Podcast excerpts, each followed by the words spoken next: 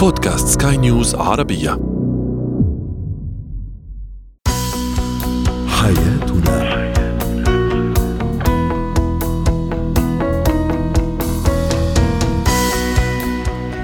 مستمعينا الكرام أهلا بكم معنا إلى حياتنا. فضاؤكم اليومي الذي يعنى بشؤون الأسرة وباقي الشؤون الحياتية الأخرى والذي يمكنكم الاستماع إليه عبر منصة سكاي نيوز dot com slash بودكاست وباقي منصات سكاي نيوز العربية الأخرى. شاركونا أيضا عبر رقم الواتساب 00971 56 واحد خمسة ستة واحد ثمانية ثمانية ستة اثنان اثنان ثلاثة. معي أنا آمال شابة. اليوم حديثنا عن حدود التضحية بين الشريكين.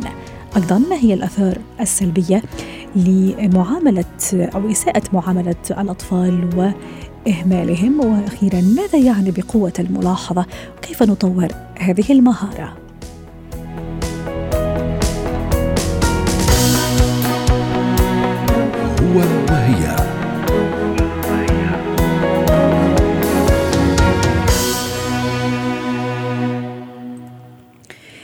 تحدثنا في حلقة سابقة عن أهمية التضحية أو التنازل بين الشريكين وبين الزوجين وتضحية تكمن في العطاء طبعا والتضحية يجب أن تكون متبادلة من دون شك. لكن ما حدود هذه التضحية؟ للحديث عن هذا الموضوع رحبوا معي بدكتورة كريم اللي هي الاستشارية النفسية والأسرية. سعد أوقاتك دكتورة كريم. كان هذا سؤالنا التفاعلي ما هي حدود التضحية في الحياة الزوجية. دعينا نستعرض بعض التعليقات من السادة المستمعين. خالد يقول حدود لها أو لا حدود لها من الطرفين. آه، صلاح غير محدودة أيضا تعليق آخر يشاطر الرأي ما في حدود. آه، وأيضا آه، تعليق آخر يقول لابد من وجود حدود حتى لا يتمادى أحد الطرفين ويعتبر التضحية فرض واجب. إذا كان زواج عن حب واحترام لا يوجد حدود في التضحية من أجل من نحب ما رأيك دكتورة كريم؟ نعم آه خليني أقول لك شغلة. التضحية في لها عدة أوجه. آه في الوجه يلي بينطلب من الأشخاص التضحية فيه لأنه آه هن مثل ما عم بيقولوا المستمعين في حب وفي عطاء وغيرها هيدا النوع من التضحية يلي بيكون متبادل بالحياة الزوجية ولكن وقت نقول متبادل نحن مش حاطين ميزان وكل آخر نهار عم نقول أنا ضحيت مرة ونص أنت ثلاث مرات بكرة أنا إلي عندك مرة مرتين لا. هي الحياة المستمرة يلي فيها توازن. هيدا التوازن هو ناتج عن بعض التضحيات بعض المبادرات بعض العطاءات تجاه بعض. ولكن في الوجه الثاني للتضحية هي يلي بتكون في علاقة باتجاه واحد. يعني العطاء دائما باتجاه واحد. هيدي التضحية يلي بتوصل للمطارح وبتوصل لنهاية لأنه الشخص يلي دائم العطاء بيوصل لمطرح أولا بيتعب ثانيا بحس بالغبن بحس بال frustration والإحباط آه، بحس يمكن بنفور من الشريك وغيرها ومع الأيام بيصير عنده ردود فعل رفضية للعطاء بيروح على extreme ثاني يلي هو ما بقى بدي أعطي ما بقى بدي ضحي ولا غيرها فاذا وقت نحكي عن حدود العطاء بدنا نطلع عن الديناميكية الموجودة بالعلاقة وبدنا نجو وبدنا نشوف أنا هل الطريقة اللي عم بعطي فيها أو الأشياء اللي عم بعطي فيها هي أشياء صحية؟ ولا كمان أنا عم بعطي بطريقة غير صحية؟ مثل ما مرة حاكيين معك بالحلقة أنا عم بعطي لإرضاء الآخر أنا عم بعطي لأنه ما بعرف أقول لا. وغيرها. رائع. وأنا ممكن كمان عم أعطي وعم جانب من الجوانب عم تتمس بعض المبادئ. ممكن كرامتي إذا صح التعبير أتخلى عن أشياء أنا تربيت عليها ومؤمنة فيها بس لأني عم ضحي مشان الشريك أو مشان الطرف الآخر. مية بالمية لأنه في كثير من الأشخاص بيتربوا على مبدأ ومنطق. أنت بدك تضحي تجاه جوزك فما بيعود يفهموا شو معناتها التضحية. بتضيع الأمور بين تخلي عن حقوقك وتخلي عن كرامتك كرمال الآخر أو وكمان هون عم نحكي بالقلب يعني بالاتجاهين أو آه، أعطيه بلا حدود لأنه المرأة اللي بتعطي هي مرأة صالحة وفاضلة وكذا. هي مش هيك العطاء. العطاء هي أنا بغذي عطائي. كل ما بكون عم غذي عطائي كل ما أنا عم بضمن نجاح واستمرارية للعلاقة كل ما أنا عم بعطي آه، بطريقة عقيمة آه، أنا بتعب والشريك الآخر ما عنده تقدير. لعطائي وهيدا يلي بيوصل الثنائي لمراحل آه، بينخنقوا فيها بيوصلوا لمطرح اثنين ما بيعود عندهم القدرة على الاستمرار وهون بتبلش المشاكل.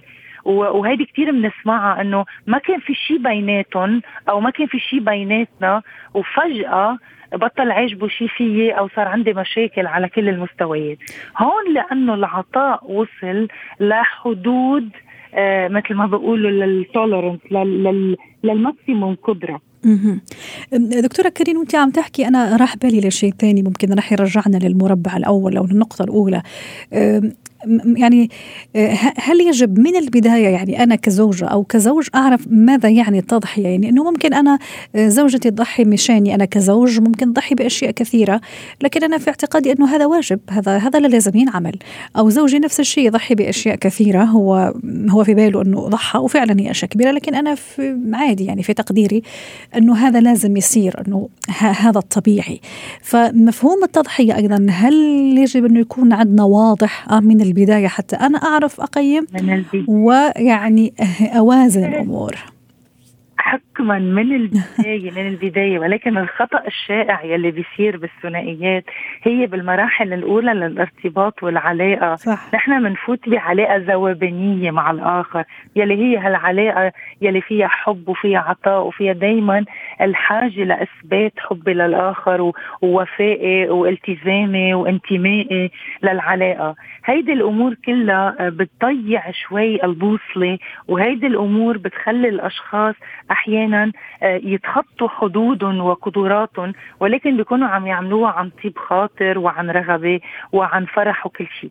ولكن إذا بدنا نرجع للأصول يلي لازم تصير بين الثنائيات لحتى كل شخص يضل عم يترك متنفس من الراحة النفسية مع الآخر وعم يترك هالمساحة لإله وما يحس بالتعب بسرعة لأنه نحن دايما بنقول مشي بخطى ثابتة ولكن آه، روح مشوار أطول وما تركض وتستعجل وما تدرس مشروعك وتعمل وتعمل خطوة قصيرة المدى. هيدي هي العلاقات الزوجية. بدك تحضري لها وتروحي آه، لأبعد حدود لأطول مسافات لأطول وقت. لهالسبب من أول العلاقة ما يخافوا الأشخاص إنهم يحددوا حدود قدرتهم على العطاء مع الشريك. اولا الشريك بي الشريك بيتعود إنه هيدا أنا وهالقد عم بقدر أعطي ساعتها إذا الشريك عنده قدرة أو عنده حاجة لعطاء أكبر مني رح يعبر عنه وتذكر نحن حاكيين كمان معك بحلقات سابقة إنه كثير مهم أنا أعبر عن حاجتي من الآخر صح. ما أنطر مبادرات وابتكار الآخر أو آه إنه الآخر يكون عم يبصر أنا شو عايزة أنا لازم أعبر له وهودي بنحط هالقوانين بشكل آه، آآ آه، مثل ما بيقولوا مقال وغير مقال بالمراحل الأولى للعلاقة وتدريجيا بصير فيها المتنفس وما بيعود فيه هيدا الجو الاحتقان إنه أنا عم بعطي لوحدة بالعلاقة والآخر ما بيعتبر لأنه أيضا تكون صدمه كبيرة والانهيار يكون أكبر. إذا أنا زي ما تفضلتي دكتورة كريم عم أعطي وعم أضحي آه، بين قوسين وهذا موضوعنا اليوم بشكل غير محدود وبدون مقابل و و لكن لما أجي أشوف الطرف الآخر يعني ما عم يعطي بنفس بنفس القوة بنفس الدفع يعني اذا إذا صح التعبير. ثم يصير يعني الصدمة بيني وبين نفسي أنا كشريك أو شريك. صحيح. ولكن في شغلة كثير مهمة يفهموها المستمعين إنه دائما بالعطاء ما في على القد يعني آه، ما في اثنين بيعطوا مثل بعض وقد بعض ولكن التوازن يلي بينوجد بالعطاء بالثنائي آه، هيدا اللي بيخلق صحة. وهذا كان قصدي أنا فعلا مصطلح التوازن. صح. صحيح. م. لأنه نحن ما فينا نعطي مثل بعض لأنه في شخصيات مختلفة صحيح. في بيئة تربينا فيها آه، آه، في عنا حاجة للآخر بلس في أشخاص بالعلاقة هن عندهم حاجات من الشريك أكثر من أشخاص ثانيين وفي ناس عندهم طرق أيضا للتعبير. سامحيني دكتورة كريم على العطاء. بشكل مختلف عني أنا لما أعطيك أمال أكيد مو زي حضرتك دكتورة كريم لما تعطي يعني في العطاء يعني مختلف في, في, في الطريقة إذا بدك يعني. مية بالمية. لهالسبب كمان ما نكون نحن وعم نقيس عطائنا للآخر أو عم نطلع بعطاء الآخر نكون عم نقيس بنفس المعيار يلي أنا بشوف فيه. أنا كثير مهم كوني قررت أعيش بشراكة مع شخص كثير مهم أطلع هو آه، كيف دفتر اللي بيحلل من خلاله الأمور لحتى كمان يكون أنا وياه على نفس مستوى التوازن بقراءة الأحداث لأنه هون كمان بنرجع بنوصل للطريق المسدود يلي في أشخاص بيكونوا عم يعطوا كثير بالعلاقة ولكن الآخر عنده انتظارات صح. آه سقف توقعات. مختلفة أو صورة فما بيشوف إنه الآخر عمل عمل مبادرات وعطاءات. أها. دكتورة كريم حتى نختم. ما أعرف إذا توافقيني الرأي. أنا عم بفكر بصوت عالي مع حضرتك ومع السادة المستمعين. يعني لما أجي أنا أقيم أو يعني أشوف المنظر يعني من من بعيد يعني التقييم راح يكون بناء على حاجتي أنا لهذا التضحية طبعا من الشريك ولا على قدرته هو؟ شو عم يقدر يعطيني يعني؟ لأنه ممكن هو عم يحاول ال maximum أو هي عم تحاول ال maximum حسب قدرتها حسب ظروفها حسب المتوفر عندها وأنا يمكن احتياجي أكثر. فالتقييم يكون بناء على على ماذا؟ إذا بدنا نحكي بالمنطق. التقييم لازم يكون مثل ما ذكرتي على الآخر شو عم يعطي ومن هو الآخر م. ولكن آه، بطبيعة الإنسان وبطبيعه البشرية نحن آه، عندنا أكثر ميل إنه نروح لاتجاهنا نحن ونقرأ الأحداث انطلاقا من حاجاتنا وانطلاقا آه، من ليستة المتطلبات اللي نحن بتحطنا بحلقات الأمان تبعنا لهالسبب الأشخاص يلي بيكونوا كثير عندهم انفتاح ووعي وقدرة هودي الأشخاص ممكن يكونوا عم بيشوفوا بعيون نوعا ما مجردة لأنه بالعلاقة ما في ما في نظرة مجردة للأحداث والأمور. في الاحتقان وفي المتغيرات كلها وفي أكيد كل الأمور يلي بتتكدس. بالعلاقه. شكرا لك دكتورة كريم إيلية الاستشارية النفسية والأسرية وكل عام وأنت بخير وصحة وسلامة ينعاد عليك شكرا لك. الحياة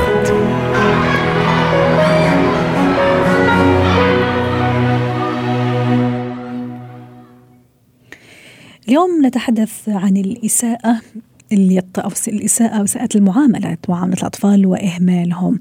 ما هي الآثار السلبية والسيئة لهذه المعاملة. للحديث عن هذا الموضوع رحبوا معي بندى شاهين الاختصاصية النفسية والتربوية. سعد أوقاتك أستاذة ندى. عيدك مبارك. كل عام وينعاد عليك بالصحة والسلامة يا رب. ماذا يعني الإساءة للطفل؟ ماذا يعني إساءة معاملة الطفل؟ آه، أهلا بك أولا. أهلا وسهلا. آه للأسف بعض الأحيان بيكون الأهل غير مؤهلين للاهتمام بأولادهم أو بيكونوا زي ما يقولوا مش مش مستعدين إن هم يكونوا أهل في الوقت ده. آه فما بيكونش عندهم وعي بالاحتياجات بتاعة الأولاد أو إيه الموجود. مجرد بس آه طفل موجود معايا في يومي وخلاص. مش مش إزاي المفروض إن أنا أبقى ماشي معاه؟ إيه الحاجات اللي هو محتاجها؟ إيه إيه اللي أنا المفروض أدعمه بيه؟ فبتلاقي إن الأهل للأسف بشكل ما بيأثروا على الولاد في, ثقتهم بنفسهم بيتريقوا عليهم آه، بيتنمروا عليهم بصورة أو أخرى لو هم متأخرين في حاجة. خصوصا إذا الطفل لو عنده آه، مشكلة أو تأخر بيكون ربما هذا هذا يندرج ضمن الإساءة العاطفية وأنا كنت راح أحكي على أنواع الإساءات أستاذة ندى. أكيد في الإساءة الجسدية الإساءة العاطفية الإساءة اللفظية أيضا. الاهمال الحرمان كل هذه أشكال من أشكال الإساءة اليس كذلك؟ نعم كلها. في طبعا الإساءة متنوعة بشكل كبير. في منها سلوكي في منها بدني في منها لفظي آه، في منها انه إنه الأهل بيكونوا آه، للأسف خصوصا لو الطفل عنده إعاقة أو أو كده بيكون الأهل مستعرين من الطفل فبالتالي بيسيئوا له أكثر من الطبيعي. بس ف... فلازم يكون الأهل عندهم وعي إيه الحاجات اللي هم إيه الطفل الحاجات احتياجاته علشان آه، يقدروا يتعاملوا مع الطريقة صحيح ويتداركوا الموضوع. أحيانا آه، أستاذة ندى ممكن يعني الأهل يسيئوا للطفل أو يعاملونه بشكل يعني آه، سيء إذا صح التعبير. ممكن هو مش قاصدين. ممكن أنا زي ما تفضلتي أقول كلمة تجرحه. وأنا يعني ما كنت أقصد أو عرفتي كيف ما أعطيت هذاك الأهمية الكبيرة لكن لا هي أساءت له وجرحته. أستاذة ندى ما تأثير هذا الإساءة؟ زي ما تفضلتي سواء كانت سلوكية لفظية جسدية بدنية عاطفية ما تأثيرها على على نفسية الطفل على تنشئته وعلى شخصيته حتى في المستقبل. خلي أبتدي معك خلينا نقسم مثلا إيش رأيك؟ نحكي مثلا الإساءة العاطفية آه اللي هو ممكن أتنمر عليه ممكن أقول له كلام ما راح يعجبه ممكن اجرحه في مشاعره. شو ممكن هذا الإساءة؟ ونحن بين قوسين يعني بشكل يعني ما راح أعمم بس في كثير ناس ما يعطوها كثير بالغ أهمية إنه هو ولد في النهاية أو مراهق ما راح كثير يعني يأخذها على محمل الجد يعني. فما تأثيرها؟ أيه. أول تأثير للأسف بيأثر على الأطفال موضوع الثقة بالنفس. لأن الأهل هي المصدر الأساسي للثقه في النفس للطفل. والثقه في النفس هي أكثر أساس مهم نأسسه في أولادنا علشان بعد كده لو هم عايزين يندمجوا حتى تكوين صداقات إن هم يقدروا يتعاملوا في الحياة في المدرسة في أي حاجة إن هم حتى يشاركوا في أي أشياء جديدة أو مشروعات أو أي حاجة لازم يكون البني آدم عنده ثقة في النفس عشان يقدر. فللأسف هي لما بيكون الأهل بيتريقوا أو بيعملوا بيتصرفوا بتصرفات آه، مش لطيفة مع الأولاد فبالتالي ما بيكونش عندهم ثقة بالنفس تماما. آه للأسف أنا بشوف أطفال لسه بعمر السبع سنوات آه بيعانوا من الاكتئاب. مش متضايقين لا عندهم اكتئاب. يا الله يعني هم في سن صغيره تصور يعني. في سن صغير وعندهم اكتئاب عندهم عدم رغبة في الحياة بشكل عام. آه طبعا بيكونوا متأخرين دراسيا بشكل كبير جدا. صح. آه وفي أيضا آه سامحيني يعني الكلام كثير مفيد. وفي ما دام ذكرتي السن الصغيرة في ناس أو أطفال حتى مراهقين يعني يمكن 14 15 سنة يعاني مثلا من التبول.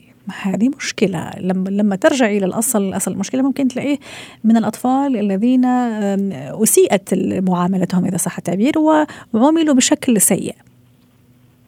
نعم ده بيكون رد فعل لعدم القدرة على التكيف مع الضغوطات والإحباطات من من الأهل بالذات المراهقين بيتعاملوا آه يعني بيبقى الأهل عندهم صورة نمطية معينة مطلوبة من المراهق إن هو يتعامل بيها في البيت. طبعا المراهق دلوقتي بيعدي بصراعات كثيرة وتغيرات كثيرة وبيعدي بصراعات بره البيت فبيبقى عايز يثبت ده جوه ومش قادر يلاقيه مش قادر يثبت نفسه بره فبالتالي بينفذ ده ب... ب... يا إما بعدم سلوك لطيف في البيت فبالتالي الأهل بيضغطوه جامد. آه برضو موضوع التبول لا ارادي للسن ده للأسف موجود وبيكمل معاهم لحد بعد العشرينات كمان. يعني أعرف ناس بعد العشرينات كمان بيعانوا الموضوع دوت بس بمجرد ال... ال... الضغوطات اللي هم بيقابلوها أو المعاملة السيئة المعاملة السيئة. من الاهل من اللي حو... آه من اللي حولهم. دكتورة أو أستاذة ندى ممكن أيضا المعاملة السيئة لطفلي ممكن تخليه شخص عدواني؟ أحيانا شوف طفل كثير عدواني ويعني ما أعرف السبب أو طفلي مثلا في البيت عدواني جدا وما أعرف سبب أو ماني كثير يعني ملمة بال... بالخريطة السلوكية للطفل وباحتياجات الطفل لكن لما تيجي تدوري عن الأصل وسبب المشكلة تلاقيه الطفل أيضا ممكن يضرب ممكن يضطهد عاطفيا ممكن يضطهد نفسيا يمكن يعاني من الإهمال أصلا يعني مهمل من الحرمان. فهل هذا أيضا من الأسباب اللي تخلي الواحد يعني يراجع حساباته في الحقيقة؟ طبعا للأسف برضو العنف لما بيكون الطفل بيكون عنيف بيكون برضو رد فعل من سلوك أهله معاه في البيت. هو عنده في سلطة عليه قوية بالتالي هو عايز يثبت نفسه برضو فبتلاقيه مع الأطفال التانية عنيف أكتر أو في اضطرابات في التصرف. آه عايز يثبت نفسه بس بدل ما يثبت نفسه بطريقة لطيفة لا بيروح آه يكون في عنف في ضرب بالذات كمان لو الأهل بيضربوا. فطبيعي إن هو ده رد الفعل بتاعه مع الناس التانية إن هو هيضرب. صح ممكن يدرس يضعف يضرب أخواته اللي أصغر منه ممكن حتى الحيوانات يعني ممكن الأليفة ممكن حتى هذه ما تسلم منه بتشوفي ممكن يعذبها ممكن يتعامل معها بشكل تمام بشكل عنيف. شكرا لك أستاذة ندى وممكن هذه دعوة أيضا من خلالك اليوم لأنه نكون كثير حريصين في التعامل مع أولادنا ونراعي دائما الجانب النفسي والسلوكي لأنه مهم جدا في تكوين شخصيتهم شكرا لك أستاذة ندى شاهين ضيفتنا العزيزة على هذه المشاركة. مهارات حياة.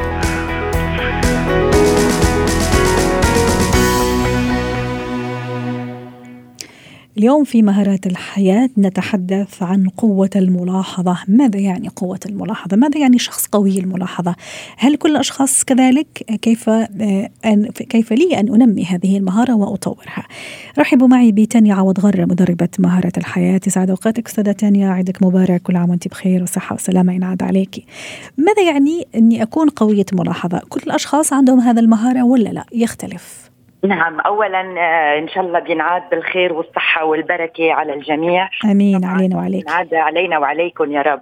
آه، آه، طبعا دقة الملاحظة هي هي هي مهارة يمكن تطويرها ولدى بعض الأشخاص كما نتحدث دائما هذه القدرة بالفطرة هي متقدمة ولكن يمكننا جميعا أن نطور هذه المهارة وخاصة في يعني في عدة أنواع من دقة الملاحظة. أيوه هذا اللي كنت راح أسألك وسبقتيني يا ريت تعطينا الأنواع ست ثانية صحيح يعني آه في ناس آه، ممكن إنه تكون عندها بالفطرة أو أسرع من سواها بملاحظة الفروقات الصغيرة على ما هو مكتوب أو على ما هو مرسوم أو على صورة معينة، هنالك أشخاص لديهم هذه المهارة في قراءة أو ملاحظة النفسيات وحالة والحالة النفسية عند الناس آه الذين يتعاملون معهم يعني إن كان متعصب إن كان حزين آه إن كان متضايق.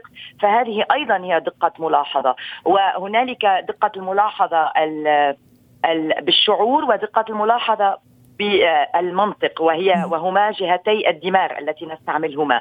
وكل حدا منا عنده آه، قدرة يلاحظ أمور أكثر يعني آه، وممكن نطورها. إذا بيلاحظ بعض المستمعين بحسب عملهم وطبيعة عملهم آه، لا شعوريا يطورون حس سرعة الملاحظة بإطار عملهم بما يختص بالأمور الذين يعملون عليها.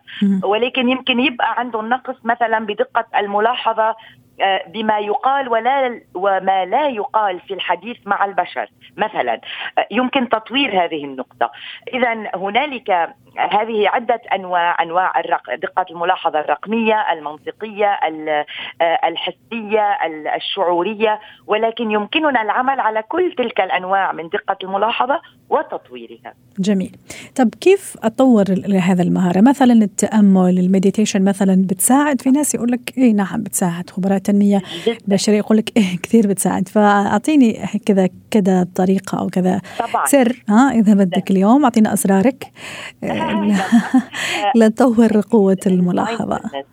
أكيد هي المايندفولنس أو التفكير والبعض قد يعتمد الصلاة والتراويح إلى ما هنالك كوسيلة ولكن هذا التركيز على اللحظة على الآن على ما يدور حولي على ما يدور في جسدي نقطة نقطة آه، هو تمرين رائع ويساهم بتطوير عملية دقة الملاحظة بشكل كتير كتير. ليش؟ لأنه منصير ننتبه على الأمور الصغيرة اللي عادة ما بننتبه لها.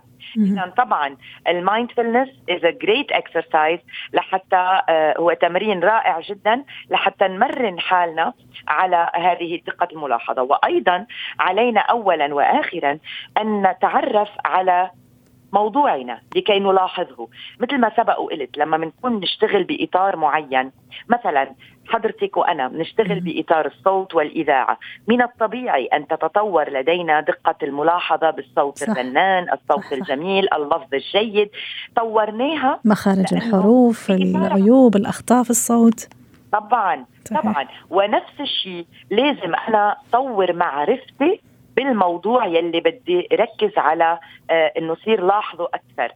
آه مش ضروري فقط بإطار عملي إنما طور معرفتي مثلا بالطبيعة البشرية لصير عندي دقة ملاحظة على حالاتهم النفسية على لماذا يقولون كذا وهم يقصدون كذا. يعني؟ بس لا ست تانية لحظة يعني حضرتك حكيتي وراح بالي لشيء ثاني. كيف الفرق بين دقيق الملاحظة مثلا والفضولي؟ لأنه في شوية هيك خيط رفيع بيناتهم. آه. شخص يكون نعم. كثير دقيق الملاحظة فما أعرف إذا هذا فضول منه ولا لا هو هيك دقيق الملاحظة. آه آه الفرق هو في النية. نية الفضولي هي الحشرية هي معلومات ليست بمتناول الجميع. بينما نية دقيق الملاحظة لا يسعى لهدف معين لكنه يسعى لتحسين تداوله مع الآخرين تحسين عمله الانتباه من الخطر. اذا النية هي كل الفرق. عندما يكون لدي حشرية آه، آه، وفضول بمعرفة أسرار الآخرين بمعرفة كيف يقوم فلان بعمله كي أستنسخه وأقوم به بدل هذه نية مسيئة. إنما دقة الملاحظة هي هي عطية هي مهارة آه، آه، يملكها الجميع ويمكننا تطويرها لتطوير أنفسنا. وما مدى صحة إنه هذا المهارة ممكن يعني ما أعرف يعني كمان سؤال وعم فكر بصوت عالي. آه، ما مدى صحة إنه هذه المهارة ممكن موجودة عند السيدات أكثر من عند الرجال؟ يعني تلاقيها هي دقيقة كثير وفي دقيقة الملاحظة وتركز في كل شيء. هذا صحيح؟ آه، بالمطلق طبعا وبدون تعميم لأنه أيضا في بعض في كثير من الرجال عندهم دقة ملاحظة بمواضيع عديدة. ولكن بالمطلق نعم لأن المرأة تركز على التفاصيل.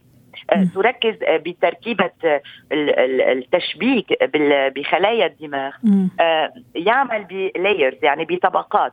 وبالتالي الامرأة تركز على التفاصيل بالمطلق طبعا ولا أعمم ابدا. أكثر من الرجل الذي يركز على الصورة العامة واضح. على اكشن آه، آه، على الاكشن على ماذا لماذا علي أن أفهم ذلك لكي أقوم بكذا. بينما المرأة في معظم الأحيان لماذا يحدث ذلك؟ ما هي أسباب ذلك؟ تركز على هذه الأمور أكثر. وبالتالي قد نجد أن النساء في الكثير من الأحيان يتمتعن بهذه الصفة بشكل عام أكثر. نعم. شكرا لك تانيا عوض غرة مدربة مهارة الحياة ساعتين اليوم. كنت معنا من بيروت ويعطيك العافية.